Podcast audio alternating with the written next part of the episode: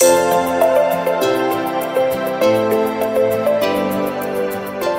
Dr. Beke Dóra, bőrgyógyász kozmetológussal már szépen lassan elkezdtük az idei évadot is építeni, és ugye először most bőrbetegségekről, bőrállapotról, bőrproblémákról beszélünk, és az első nagy család, amiről beszéltünk, a rozácea volt. De van még egy olyan nagy topik, amivel legalábbis mi rengetegszer találkozunk, és te is azt mondtad, amikor egyeztettük a témákat, hogy olyan sűrűn előfordul, hogy szinte már a lakosságnak egy meghatározható 10 fölötti százalékáról van szó, és ugye ez az ekcéma. A rozáciánál azt mondtad, hogy inkább a felnőtt női lakosságot 30 pluszban érinti, Míg az ekcéma az már a kismamáknak, már mint hogy a kisgyerekes anyukáknak is óriási probléma, mert hogy ez gyakorlatilag újszülött korban kezdődik. Így van az ekcéma, vagy másképpen atópiás dermatitis. Ez a leggyakoribb bőrgyógyászati megbetegedés, Szintén egy krónikus bőrgyógyászati képről van szó, és hogyha százalékban szeretnénk nézni, akkor a lakosságnak több mint 20 százalékát érinti, hogyha az európai lakosságot nézzük, és nem csak felnőttek körében nagyon gyakori tünet, hanem a gyermekeknél ez a leggyakrabban előforduló bőrgyógyászati megbetegedés. És az atópiás dermatitisnek igazából három életkori formáját különböztetjük meg. Tehát van már egy csecsemőkori forma, van egy gyermekkori forma, és van egy felnőttkori forma. Különböző mások ezek? Más a megjelenése, más a klinikai képe az ekcémának ezekben a különböző életkorokban. Csecsemőkorban azt látjuk, hogy egy sokkal nedvedzőbb tünetek jönnek létre, és a csecsemőknek inkább az arcát érintik ezek az ekcémás tünetek, illetve a törzsön is megjelenhetnek, onnan lehet fölismerni, hogy a csecsemők nyugtalanok, nehezen alszanak el, és ugye ők vakarni nem tudják magukat, viszont mint a kukacik kicsit így az ágyikójukban izegnek, mozognak, sírdogálnak, próbálják azért úgy, úgy megvakarni magukat, és az arcon pirosas, nedvedző tüneteket látunk. Ez a fontos, innen lehet felismerni. Amikor gyerekkori Fájdalmas. Formán, ez egy, fáj, ahogy elmondod, az is nem jól hangzik. Igen, Igen tehát amikor a, ezek az ekcémás foltok megjelennek, akkor a bőrgyulladásban van. És hogyha kiterjedt területen jönnek létre, tehát kiterjedt testfelületen látjuk az ekcémás tüneteket, akkor olyan lázasnak érezhetik magukat a páciensek, és fáj is a bőrük. A gyerekkori formára már inkább a száraz tünetek a jellemzőek, tehát meghatározott régiókban, például hajlatokban, könnyékhajlat, térthajlat jelennek meg ezek a pirosas, hámló plakkok, ezek az ekcémás foltok, és onnan lehet még felismerni, hogy a gyerekek viszketnek, tehát ők már vakarják magukat, lehet látni vakarózási nyomokat, ezt úgy hívjuk, hogy exkoriáció, espacio másrésztről pedig nagyon lényeges, hogy, hogy ne vakarják a gyerekek, mert felülfertőződésre nagyon hajlamosak ezek a területek. Dóri, ez nagyon nehéz. Nekem a kisebbik fiam félig szőekcémás születésétől kezdve, és pont amit mondasz, hogy már az elején tudtuk, már megmutattam orvosnak, már láttam, kaptunk rá mindenfélét, de az, hogy egy gyereknél elérni, hogy ne vakarja, aki ez már egy nagyobb gyerek, az, az gyakorlatilag hát érzi, hát azt érzi, hogy csak az enyészti, és nyilván közben meg ez egy ilyen ördögi kör, mert egyre rosszabb lesz. Ez teljesen ördögi kör, tehát ahogy ő akarja, még ezt a sérült hámot még inkább megsérti, és sajnos a, a bakteriális fertőzésekre, a virális fertőzésekre jóval hajlamosabb lesz. Tehát például gyerekeken gyakran lehet látni az ótvart, amit ugye úgy tudunk felismerni, hogy sebes területek, ilyen kis ovális alakú sebes, gennyedző területek jönnek létre. Másrésztről nagyon gyakran megjelenik ugye az uszodaszemölcs, ami eszméletlen gyorsan terjed, ez a molluszkom contagiosum, nagyon nehéz leszedni a gyerekekről, nagyon Tehát, nehéz. Ha máshol hozzáér, akkor azonnal viszi tovább. És ezzel mit, mit tud csinálni egy, egy szülő? Hogy... Hát itt a megelőzés a legfontosabb, sajnos azt kell, hogy mondjam. Másrésztről a herpeszes infekciók is nagyon gyakoriak az ekcémás gyerekeken. Hajas fejbőrük is nagyon gyakran viszket, és azért attól függően, hogy az ekcéma mennyire kiterjedt, rossz pszichés státuszt is létre tud hozni. Tehát az ekcémás gyerekek esetében nagyon fontosnak tartom a pszichés vezetést és támogatást, mert egy ördögi kör alakul ki, rossz lesz a bőre, ezért rosszul is érzi magát, tehát főleg egy kamasz gyereknél ez nagyon kellemetlen tud lenni, És az ekcémának is egy bizonyos százalékában nagyon fontos szerepet játszik a psziché, tehát a fellángolásokban. Úgyhogy nagyon fontos, hogy figyeljünk ezekre a gyerekekre, és egy jó mentális vezetés legyen. Akár meditációs technikákat lehet náluk alkalmazni, vagy pszichológushoz el lehet őket vinni. Nem szabad félváról venni egy súlyos ekcémás gyereknek a tüneteit. Az ekcéma kikezelhető, kinőhető, vagy ez is egy olyan ö, bőrbetegség, mint a rozácea, hogy tulajdonképpen azért egy életen át visszük magunkkal, csak megszelidítjük, vagy kordában tartjuk, vagy éppen jobb állapotban vagy el tud tűnni teljesen.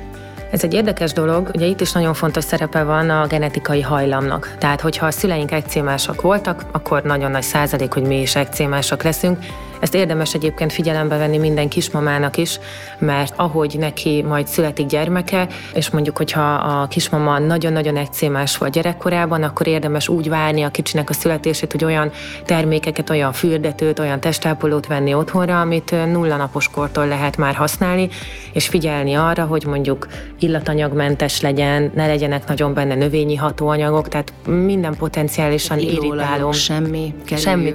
Tehát az első egy év az arról szól, csecsemők és kisdedek esetében, hogy a bőrbarrierjüket felépítjük. És ez egyrészt egy külső munka is, másrészt belső munka is.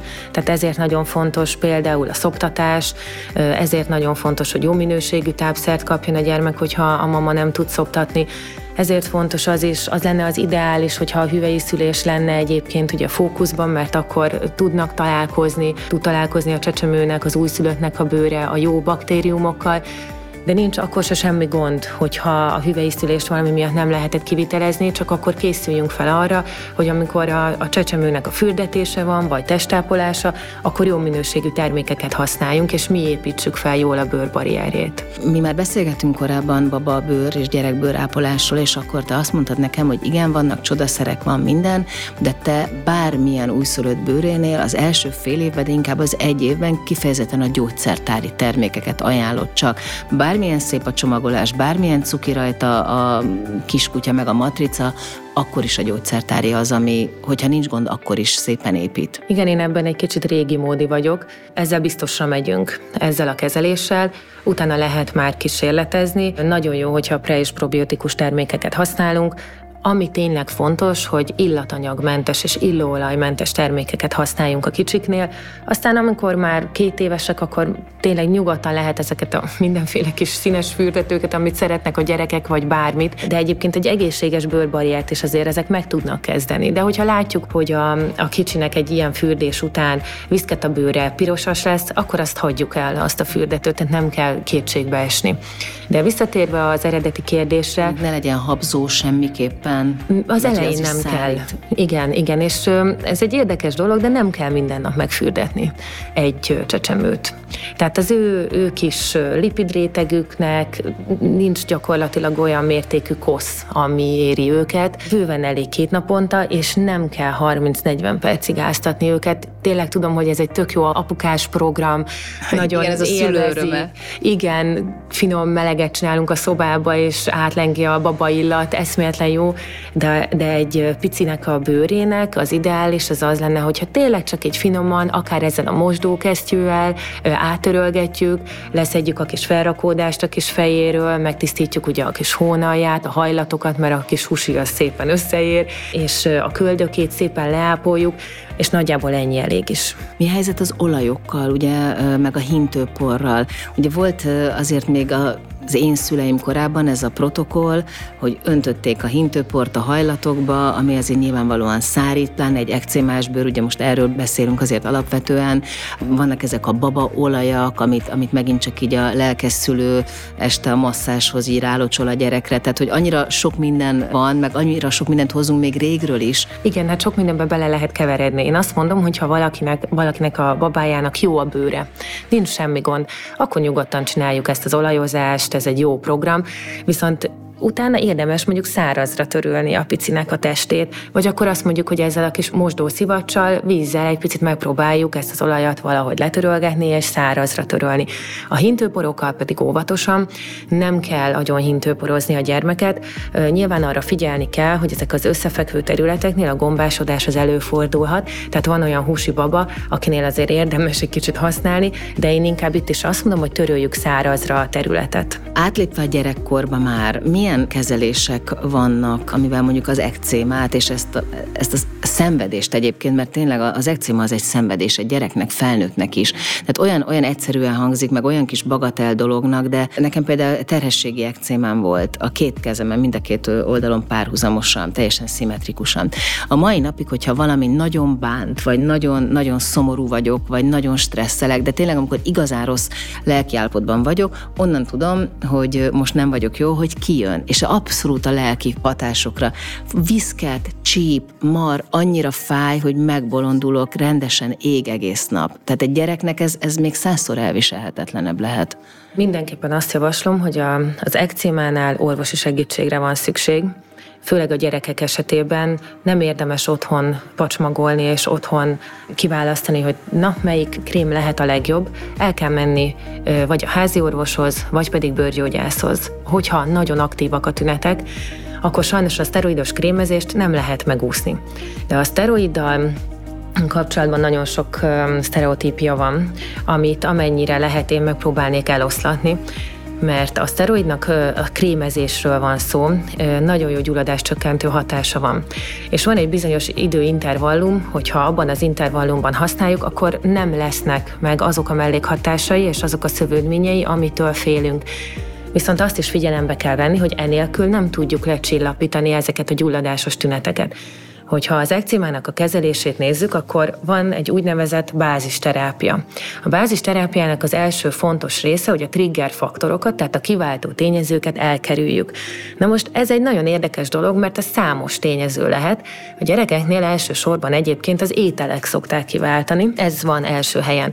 De ugyanúgy lehet egy időjárás változás, ugye a pszichés állapotnak a megváltozása nagyon gyakran, ahogy te is mondtad, előhozza a tüneteket lehetnek kontaktallergének, tehát amihez hozzáérünk, lehetnek légúti allergének, tehát például a házi por, a poratka, a házi állatoknak a szőre, a pollen, ezek is provokálhatják a tüneteket. Érdemes naplót vezetni, ez egy nagyon jó tanács, azt hiszem a szülők és a felnőttek számára is, hogy elmegyek egy környezetbe, tudom, hogy át kell gondolni, hogy mi volt az, amivel leginkább érintkeztem, vagy magamra kentem valamit, és azt föl kell írni, hogy nekem bizony ez provokálja a tüneteimet, vagy ettem valamit, vagy a gyerkőcevet valamit, és ezt föl kell írni, és sajnos kerülni kell a továbbiakban.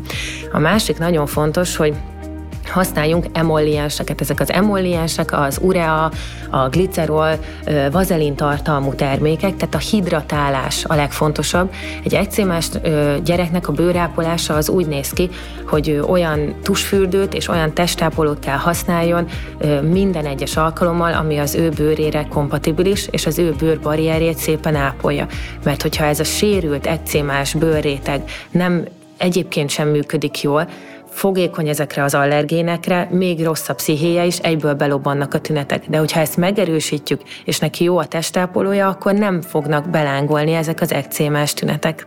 És akkor, ha fellángolás van, akkor kell szteroidos krémet használni.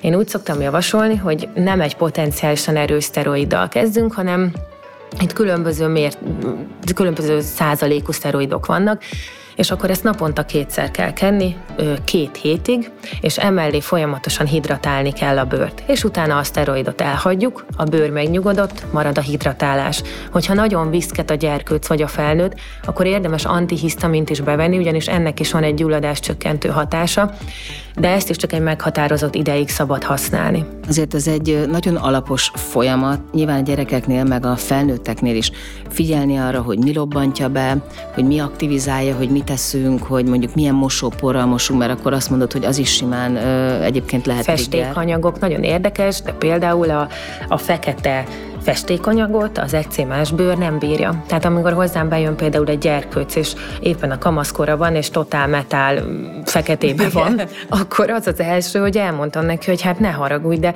ez a fekete, ez tuti, hogy nem lesz jó a bőrödnek. De fura. És, és akkor sajnos hát a fehér a legjobb, meg a világos színűek, de például, ha egy bőrgyógyászati osztályra befekszik az ember, ott is az az első, hogy megmondják, hogy csak fehér alsógatját lehet hozni.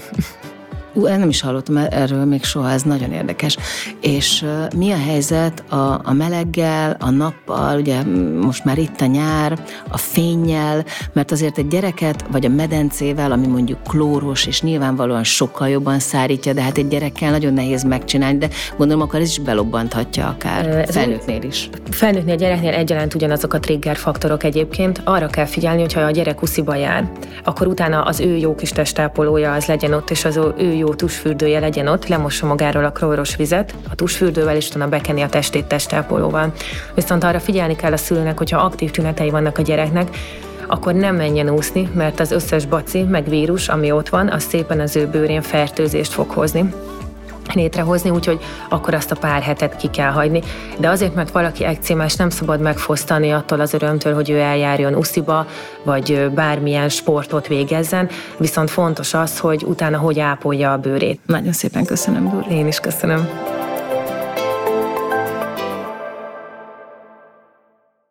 Ez egy Béton podcast.